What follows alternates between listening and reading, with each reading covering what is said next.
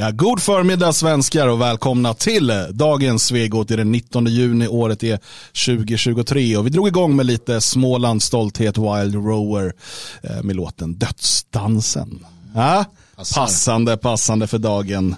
Mm. Det är ju, är det Pogues eller sånger, jag vet inte. Originalet är väl någon av de där underliga människorna. Eh, hörni, mm? har ni överlevt helgen? Ja, helgen är överlevd och klar. Absolut, absolut. Jag blev lite dåligt humör här på morgonen bara. Jaha. Jag blev det alldeles nyss här. Okej, berätta, vill du berätta varför? Ja, jag vill berätta varför. Gör det. Skolan alltså. Skolan? Svenska skolan. Ja, grabben började ju i sjunde klass här. Så Idag? Gick, nej, han, gick ur, han går i en väldigt speciell skola. Han går i specialskola. Nej, han gick ur sjunde klass. Men han började i sjunde, sjunde klass. Och det var strul från början. Mm. Du vet, fel sammansättning i klassen. Just det, de byter skola då till högstadiet. Då ja, precis. får de inte gå i den fina Älgaråsskolan längre. Nej, precis. Då är det slut på Älgarås. Och så blandas det då människor från hela ja, orten. Sådär. och det, mm. det kan bli fel. Och det har varit fel. Liksom. Det, har inte, det har inte funkat så bra. Och det har varit en massa resurser och så vidare. Och det har funnits en person som man alltid har kunnat lita på. Och det är liksom klassläraren. Ja. Jätteduktig, jättebra. Hon har verkligen jobbat stenhårt. Mm. Du vet, under så här lång tid. Och, och till sist strykit ut liksom alla problem. Man har haft förtroende.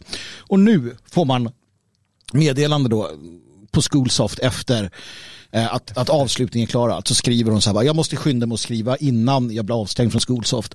Eh, på avslutningsdagen så bara fick hon sparken. Från men, ingenstans. Okej. Okay. Ja.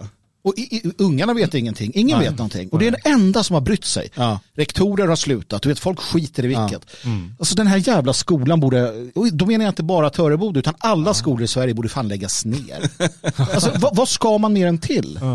Jävla, alltså det är så, här... så nu ska en ny lärare behöva liksom sätta sig in ja, i det här i och problematiken försöka, och sådär. Ja. Och, och, det är liksom hela tiden Och det är inte att hon har sagt upp sig utan hon har blivit uppsagd. Ja, ja. Sa hon något varför? Nej, fick, hon vill inte gå vidare med att berätta varför. Men jag förstår vad det är för att hon, till exempel när en lärare ja. under en hel termin inte gjorde sitt jobb så var det någon som larmade. Mm. Uh, och, och, när du är lojal mot föräldrar och inte mot den äckliga ledningen mm och cheferna och, rektorerna, ja men då får du sparken. Mm. Så att rektorerna vill ju liksom skydda sin, sin liksom, eh, rygg och hela ledningen och hela kommunen som vanligt. Mm. Alltså det är så vidrigt alltså. Och de som blir lidande blir alla ungar såklart. Och det skiter man väl i. Men eh, både rektorer och, och, kommunpolitiker, de är rädda för eh, föräldrar. Ja, och det ska de bli. Det ska de fan vara nu. Alltså, det är bara storma. Jag ska skrämma dem. Jag ska åka dit och använda, skrämma, använda jag, våld. Jag ska ja. använda våld mot dem. Ja, ja, Jag vet inte vilket. Du kan göra det, men, eh, men just att bara göra sig, göra sig hörd. Jag tycker det är så jäkla jobbigt eh, när man gör sig hörd. Nej, men, och det är viktigt alltså, ni, ni som har barn där ute. Uh, alltså man måste vara på hela tiden och ligga i och, och lyssna och vara närvarande och, och, säga ifrån. För att annars kör de över oss. Det är precis som med vården. Allting. Hela den här jävla välfärdsstaten bygger på att alla ska vara rädda för, för dem. Att man mm. inte ska lägga sig i. De räknar med att man inte bryr sig. Mm. Mm. Det är det de vill. Uh, man, man, läkare måste man vara på. Man måste vara på skolan. Man måste vara på allting. Kan vi inte bara få ta hand om våra barn själva då? Mm. Nej, nej, nej, det går inte. Nej, för staten är ju Då bättre. kan det bli fel. Ja, jag minns um, när uh, grabben började skolan här i Sverige och det var någon så här, inför läsåret så var det någon introduktion, föräldrar kunde komma dit och få information och sådär. Mm. Och då sa, om det var rektorn eller vice rektor eller vad det nu är, men han, han, sa det att det är viktigt nu att om det är, liksom om barnet kommer hem och säger någonting och fått lära sig i skolan, då ska ni inte säga emot det. Uh, utan i sådana fall, om det är någonting, då tar ni det direkt med oss. Men aldrig att ni liksom um, sänker lärarens auktoritet genom att ifrågasätta någonting mm. som de har lärt ut i skolan. Mm. Och det säger rakt ut. Mm. Att det är så, man ska absolut, alltså, och jag förstår poängen. Ja, ja, visst. Det är att, det, att liksom, men det är också underligt att som förälder då, om mitt son kommer hem och har fått lära sig någonting jag inte håller med om, mm. mm. så ska jag inte ifrågasätta, jag ska inte gå emot Nej. det. Och då, vad händer då med föräldrarnas auktoritet? Ja, det är ju det. För att absolut, jag förstår poängen med lärarens auktoritet, att den är viktig. Men jag som far har ju också en auktoritet att upprätthålla. Mm. Och ska jag bara då foga mig efter vad någon godtycklig lågstadielärare påstår? Mm, precis, och det är ju det de menar att du ska göra. För att det är ju inte bara om man inte håller med, utan det är om, du, om de kommer med direkta felaktigheter så ska det så här, ja då måste jag först utbilda läraren. Och jag tycker det är så intressant nu hur ofta man börjar se sådana här, både i USA men, men i Sverige, så hela västlandet, att föräldrar som så skickar brev eller skickar prov tillbaka till lärarna och så här läxor och så bara, "Va, det här är ju obegripliga saker. Du kan ju inte stava och så vidare. Jag har ju sett likadant själv. Det kommer en papper från svenskläraren. Det där är direkt, det är felstavat det, och jag är inte ens bra på att stava. Jag kan ju för fan inte stava. och jag ser att det är så. Och en massa andra underligheter. Eh, så att jag menar, ja, nej det är en skolkrisen, ja denna jävla krispandemi vi lever i. Ja, men det är ju bara att göra ännu mer, uh, bara gröpa ur deras sketna auktoritet ja. eh, Ja, hela ja. tiden så att de bara säger upp sig allihopa Ja. och, och går och hänger sig. Ja, hela det må, vi måste få lärarna att hänga, eller rektorer att hänga sig. Eh, Någonting. Något. Nej, jag håller med. Ja, men det är ju med. knepigt där. Jag ska ha auktoritet utan att, utan att ha det. Mm. Ja, men titta här, Norpan. Eh, nästa termin slås min sons klass ihop med den andra klassen. De menar att det blir bättre för barnen. Ja, men det, är, så, det är ju alltid bättre att ha större klasser och fler diversifiering. Och, ah, det är det bästa. Om man, om man bussar, buss, bussar invandrarbarn från en skola till en annan i Eskilstuna så blir det bättre. På, på alla detaljer håller de på sådär. Jag minns eh, en gång eh, så var jag nere och eh, sa någonting om deras, de, de hade fifflat med eh, kopiatorerna. Mm. De är nödvändiga och det är, så här, men det är skitkorkat att när ni, har- ni har så gjort om, jag kommer inte ihåg vad de hade gjort för förändring, men liksom, det var ett stort samlingsrum där många satt och, stod och pratade, liksom, det informella samtalen Mm. som betyder jäkligt mycket, med, eh, lärdom och alltihop. Eh, Och då ändrade han det och sa jag det, ja men det är väl skitkorkat, vad dåligt. Nej, det är jättebra. Liksom, som, så det går inte att prata med dem, Nej. studierektorerna och det. För vet du varför i grund och botten? Nej. De är så jävla lågintelligenta. Ja, Därför. det är där. Ofta Det är det det. Det är så här misslyckade lärare som, ja men jag kan väl bli studierektor istället. Ja. Fullständigt odugliga. Ja. Man brukar ju eh, säga att den som inte kan, han lär ut. Just det. Just det. Vad händer med den som inte kan lära ut då? Nej, men den han blir blir den- rektor. Ja. Kanske kan bli rektor. Vet du. Ja. Ehm, ja, nej men så, så är det. Ja, ja, Själva, okej. hur är det med då? Är det bra? Jo, det är fint fint. Ja. Jo då, eh, vi lever, det kom regn igår. Det kom regn Ja, igår. Jag har regndansat i flera veckor, äntligen. Mm. Ja, det var Och, skönt. eh, Jalle, jag har hört att du har på något sätt reenactat eh, The Raven av uh, Poe. Stämmer det? Vad är det som händer?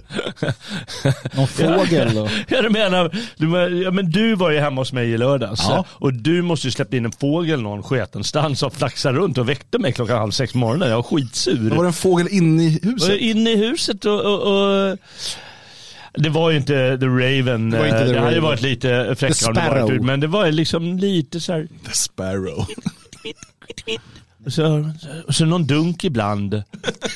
Och då är det förstås fågeljäveln som flyr mot ett fönster eller någonting. Och så, nej men vadå, varför får jag aldrig sova ut Nej. för? Jag blir så förbannad.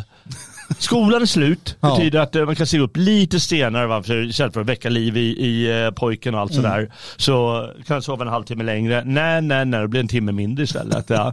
Bara för Magnus ska Hittar du öppna fågeln Ja, hur gick det på? Eller, tog... Ja, de är så jävla... De är nästan lika ointelligenta fåglar som studierektorer. Men jag öppnar alla fönster, dörrar, hela skiten. Ska försöka Ja. schasa ut den här fågeln, den bara vägrar. vägrar. Och det, liksom, det kommer upp och så är det liksom så två centimeter Mm till fönstret, kar, fönsterkarmen, ja, men den vägrar ju träffa det. Utan det ska å- givetvis ovanpå eller på sidan eller var som helst. Men tänk att fåglar ska vara lite smartare för man är van vid att typ getingar och sådär, de kan ju stå och bara dunka Ja, in. precis. Man men det är här runt liksom. Jag har ju öppnat åt dig. Ja. Det är som att se hela sossarnas partikongress liksom. Helt Ja. ja. otroligt. Ja, till slut så kom den ut. Det tog en, ah, tog en kvart, 20 minuter att fasa ut den jäkla fågeln.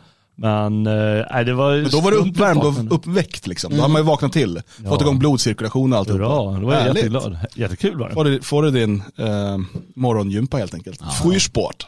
Sport, ja. Precis. Hörrni, Ha, har ni varit på fest på sistone? ja, var på fest i helgen. Ja. Såg det ut så här då som det ser ut nu på det här klippet? Kan ni berätta vad ni ser, kära vänner? Det är en scen från The Office.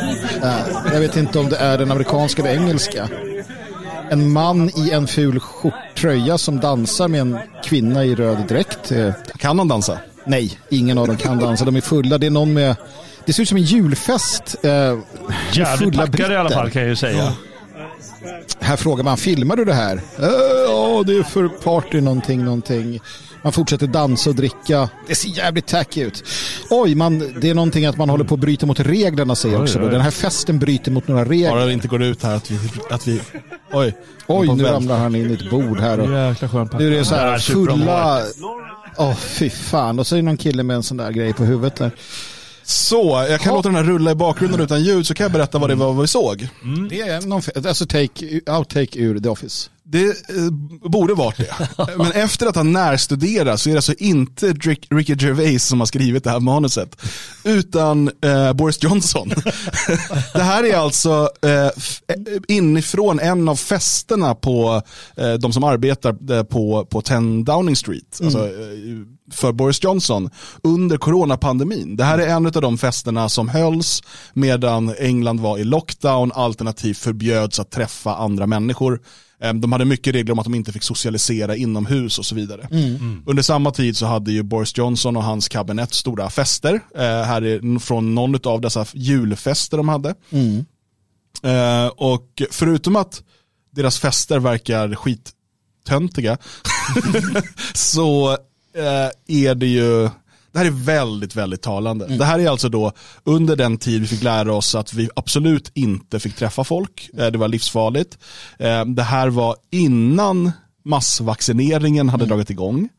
Ehm, och, och så vidare. Men de här människorna då som är ansvariga för besluten att folk inte ska få lämna sina hem och att de ska låsas in och man ska förstöra hela medelklassen, stjäla deras resurser och ge till topp 1%, vilket ju var det de bestämde.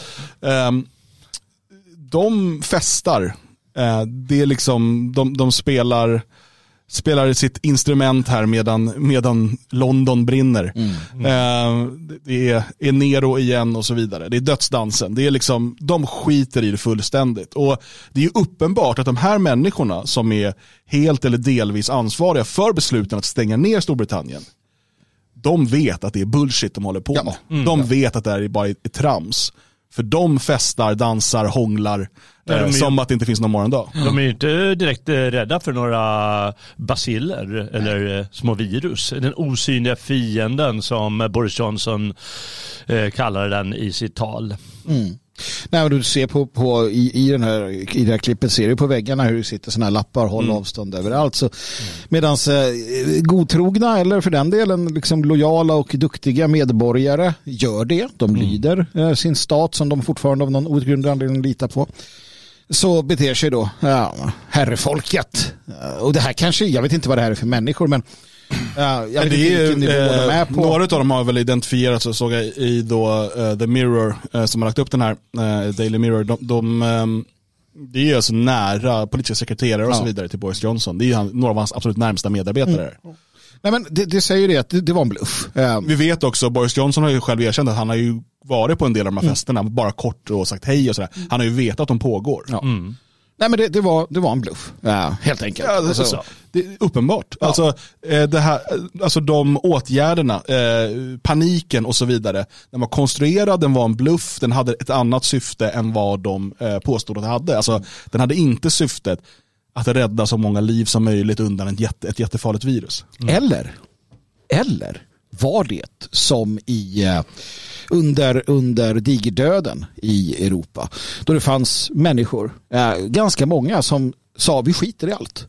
De gick från krog till krog, de festade och låg och söp och härjade och bara smutsiga och sådär. Så de tänkte att vi skiter i vilket.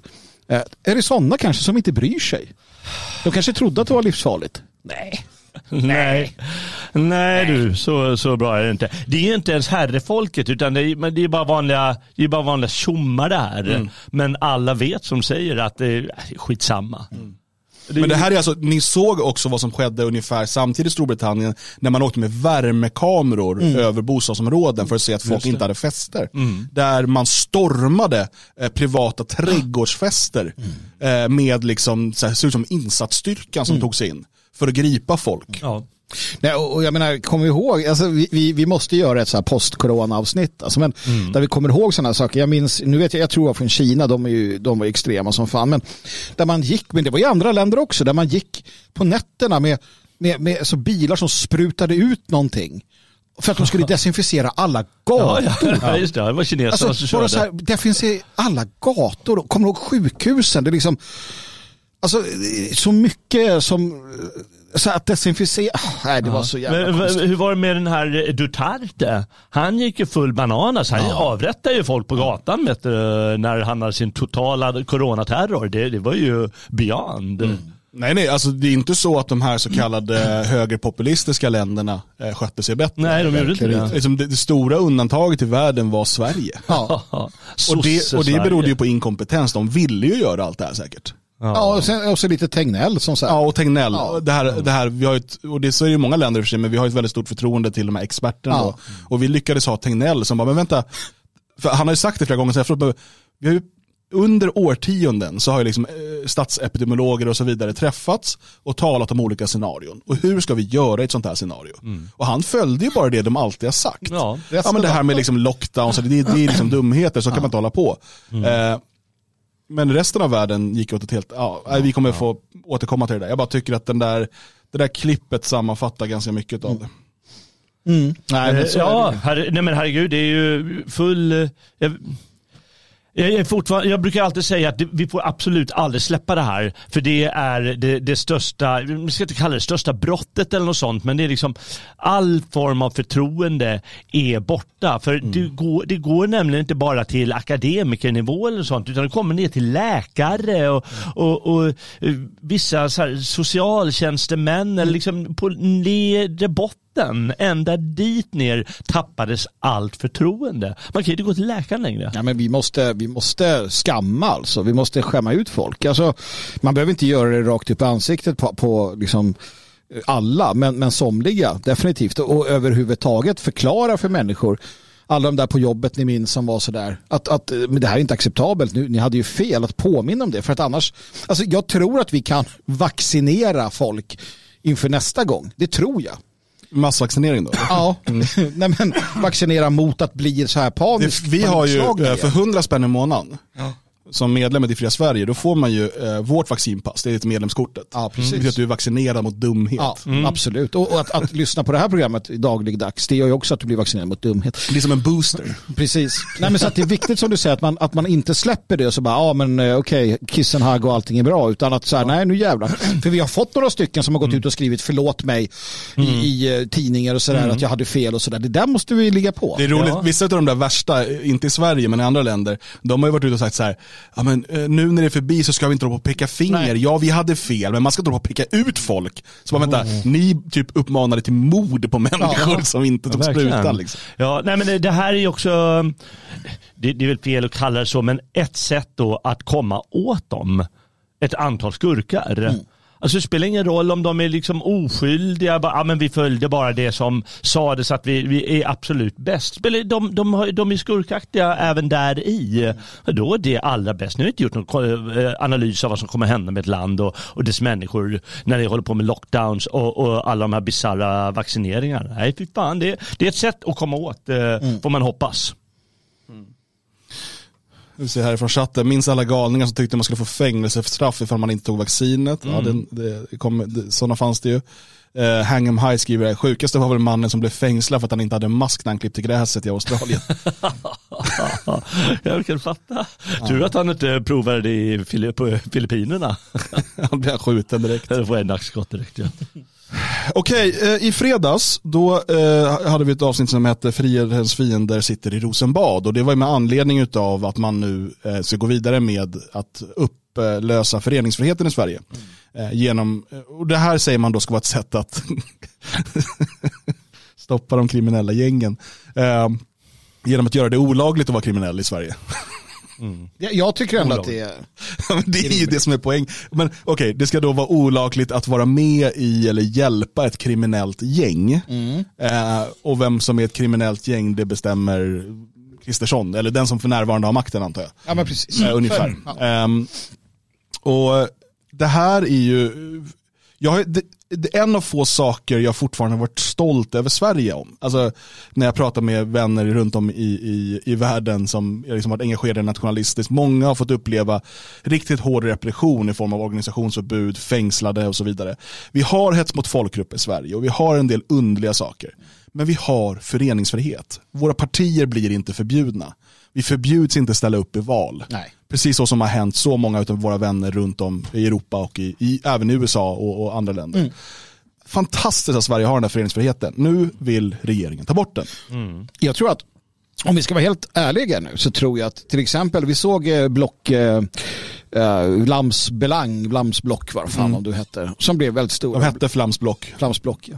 De blev förbjudna, förbjudna Precis. när de var som störst. De var största parti i Flandern och näst eller tredje största i Belgien. Då. Mm. Med en lagstiftning som förbjuder partier likt de vi ser i Tyskland liknande. Tror ni att SD hade suttit i riksdagen? Nej, hade det funnits på 90-talet så hade SD förbjudits på 90-talet. Man hade hänvisat till någon, någon, liksom, någon demonstration, där det varit bråk, kanske något mord, där någon, man kunde koppla någon till SD på något sätt. Du vet, John Ron hade inte de SD-flygblad hemma. De, ja, du vet. Ja. Ja. det är en kriminell organisation, nu förbjuder vi den. Om verktygen finns så kommer de användas. Och det här har vi ju sett i Tyskland, vi har sett det i Grekland. Kolla bara hur de gjorde för att förbjuda Gyllene grö- Ja, gryning ja. och klassa det som en kriminell organisation. De har alltså två medlemmar Eh, i Gyllene gryning blir mördade. Mm. ett tag efter det, man har fortfarande inte gripit de mördarna. Ehm, de blev skjutna utanför ett evenemang. Eh, ett tag efter det så has en, en antifascistisk rappare ihjäl. Man vet inte heller exakt vad som har hänt, men det man har försökt att föra i bevis utan att ha bevis för det är att det här skulle ha då beställts ifrån Gyllene Gryning-ledningen. Eh, det enda som man egentligen går på det är ett hemligt vittne som påstår detta. Det hemliga vittnen vill man införa i Sverige också. Eh, och då är alltså Gyllene Gryning vid det här läget tredje, fjärde största parti, runt 8% av rösterna, har ännu högre vissa opinionsmätningar. Eh, och eh, sen börjar hela den här processen, de, eh, de tvingas till husarrest, eh, partiledningen får inte lämna sina hem, sen får de inte lämna Aten. Så de kan inte åka runt i resten av Grekland och kampanja och så vidare. Och det här gör ju såklart att man börjar tappa i opinion, alltså folk, ska vi rösta på dem? De, de är ju på väg under, de är undersöks nu för att bli en kriminell organisation. Sen döms de till att vara en kriminell organisation och hela ledningen, eh, inklusive liksom, lokala ledare och så vidare, döms till fängelse. Och eh, många av dem 10, 12, 14 år. Så har man gjort sig av med den nationalistiska oppositionen i Grekland, företag i alla fall. Ja. Eh, och I Tyskland har man ju organisationsförbud sedan länge och det är förbjudet att vara med i kriminella gäng, det är förbjudet att stö- understödja kriminella gäng. Så då kan man ju titta, okej men då har väl Tyskland löst det här. Om det här nu ska vara medicinen i Sverige för att komma åt de problem som har fått växa här under snart 50 år. Men hur går det egentligen i Tyskland? Vi kan bara ta ett exempel från nyheterna igår. Eh, För att ta det så aktuellt som möjligt. Så inte bara säger ni bara tar gamla grejer. Här är då ifrån eh, Nordrhein-Westfalen. Ehm, och eh, det är alltså då, det är väl den folktätaste området va? Måste det vara i Tyskland. Rurpott där nere. Eh, där två stycken eh, konkurrerande klaner, kriminella eh, invandrarklaner, eh, är i luven på varandra. Och eh, det har nu alltså varit eh, hundratals, man pratar om över 500 män på gatorna redo att slå ihjäl varandra mer eller mindre. Ehm, så här skriver man i Bildzeitung. Det här är scener som aldrig tidigare skådats i Tyskland. I Essen på fredagskvällen stod långt över 500 män mot varandra. Syriska och libanesiska storfamiljer, Großfamiljen, det är klaner säger det är samma, redo att slå till. Anledningen till upptrappningen var förmodligen att barn påstod slåss medan de lekte och fler och fler vuxna blev inblandade. På torsdagskvällen gick de fientliga storfamiljerna slutligen till attack mot varandra med klubbor, knivar och machetes. Hundratals poliser sattes in för att förhindra en upptrappning. Nu slår NRVs inrikesminister Herbert Reul, eh, 70 år CDU, larm. Det är oacceptabelt när horder av män samlas och ibland till och med beväpnar sig för att skrämma eller attackera andra. Polisen var tvungen att klargöra att i Tyskland gäller eh, statens lagstiftning och rättsstaten och inte familjens lagstiftning. Polisen hade fastställt över 100 identiteter, beslagtagit vapen och utfärdat ehm, Eh, de, de, de har det här som de vill ha i Sverige också då, att du är förbjuden att gå i vissa områden.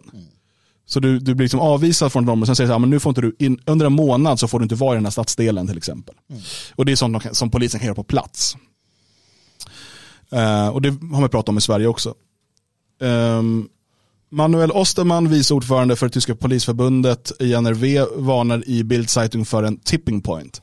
Med tanke på de massiva upploppen, med, citat, med allt fler män redo att använda våld, måste det konstateras att vi, citat, nu har nått en hotfull brytpunkt. Osterman fortsätter. Det handlar uppenbarligen om att dominera gatorna och dödsfall accepteras som en självklarhet. Politiker och myndigheter måste uppfylla lyftet, löftet att Tyskland tillhör fredsälskande medborgare och inte kriminella som föraktar rättsstatsprincipen. Det finns ingen plats för upptrappning av våld i Tyskland. Um, och sen pratar man också uh, med biträdande chefen för polisförbundet i Nordrhein Westfalen, Mikael Mats. Han säger att klaner erkänner inte vår stat, de har sitt eget rättssystem, konflikter löses också med våld om det behövs. Um, Alexander Trom, inrikespolitisk talesman för uh, Kristdemokraterna i Bundestag. Han säger att sådana fejder mellan utländska klaner måste stoppas i sin linda. Kostnaden för dessa polisoperationer bör inte bäras av de tyska skattebetalarna utan bör samlas in från förövarna. Bla, bla, bla, bla, bla. Mm. Okej, okay, så vad är poängen här? Jo, det här är bara ett exempel från det senaste nyhetsflödet från Tyskland. Eh, I Berlin så kontrollerar olika klaner olika stadsdelar. Vi har också eh, något som nyheter om hur klanerna har infiltrerat polisutbildningen och idag eh, så sägs det att till exempel polisutbildningen i Spandau, där är alltså lärarrollerna tagna av klanmedlemmar nu. Det är liksom och det är Tyskland och där är det förbjudet att vara med i en kriminell organisation. Mm. Så hur ska detta lösa Sveriges problem? Det är så jävla dumt så jävligt en, en sak som blir väldigt oroande här också, om, om vi tittar på det, hur det multipliceras. Nu, nu, sker det här säkert i områden som är väldigt koncentrerade av eh, de här människorna. Men jag tänker så här att, att en svensk familj sitter eh, i sitt område, sin, i sin lägenhet eller något. Barnet är ute och leker. Barnet hamnar i, i delo med ett invandrarbarn. Mm. Eh, invandrarbarnets familj kommer. Så att det som händer är att den svenska familjen kommer inte våga stå upp mot det här utan det barnet kommer se sin far eh, liksom vara eh, sådär eh, återhållsam. För mm. att man, man vet att det kommer fem, 250 man med, med klubbor och slår ner dig. Mm. Alltså vi, vi multiplicerar eller vi, alltså det här undfallenheten och rädslan multiplicerar våra barn som sen kommer sätta den till sina barn som sätter den till sina barn medan de här Ja, mm. De blir huvudet och vi blir svansen. För att man kan inte i rimlighetens namn kräva att en svensk eller tysk familj, om de utsätts för det här, man kan inte kräva att en farsgubbe där går ut och så här, tar tag i Ahmed. När vi vet att Ahmed tillhör ett jättestort klannätverk. Det finns inget alternativ än att flytta därifrån. Att fly mm. bättre än illa fäkta. Och det är det här man måste förstå.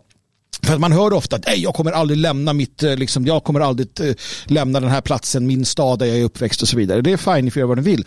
Men ni kan inte tro att ni klarar av att stå upp mot Ali Khan.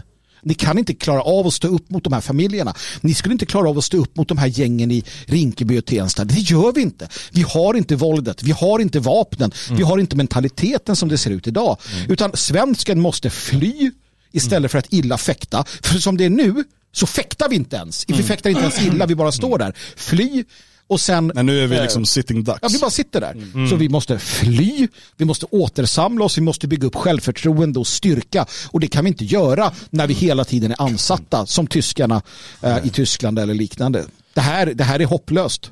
Jag tycker den här bilden är väldigt talande. Lite för vad du säger där.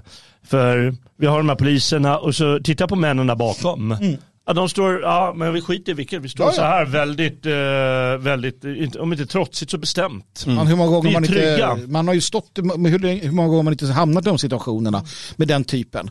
Ja, de, de, är ju så, de skiter ju i det där. De har ju mm. sin klan för fan. De är ju ja, men alltså, de, Ni pratade om auktoritet gentemot lärare, familj och så vidare. De ser inte polisen som någon auktoritet att bry sig om Nej, på det precis. sättet. Det är till gäng att liksom förhålla sig till. Men, men eh, det, det som är ju det att vår, den, den rättsstat som vi har haft i, eh, i Sverige under hundratals år, en stark västerländsk tradition, den har ju varit en avgörande del i eh, vår civilisations framväxt. Just för, också för att kunna göra affärer på ett sätt där vi vet att det finns en objektiv part som mellanhand ifall någon eh, försöker lura oss och så vidare. Så att istället för att eh, istället för blodshämnd, istället för liksom olika familjer och släkter som är i fejd med varandra, så ska då rättsstaten ha den här objektiva rollen. Och det har ju varit bra eh, liksom både internt i landet men också för internationell handel. Att du har liksom den här, det har varit en viktig beståndsdel i liksom vår civilisations framväxt och, och vårt välstånd.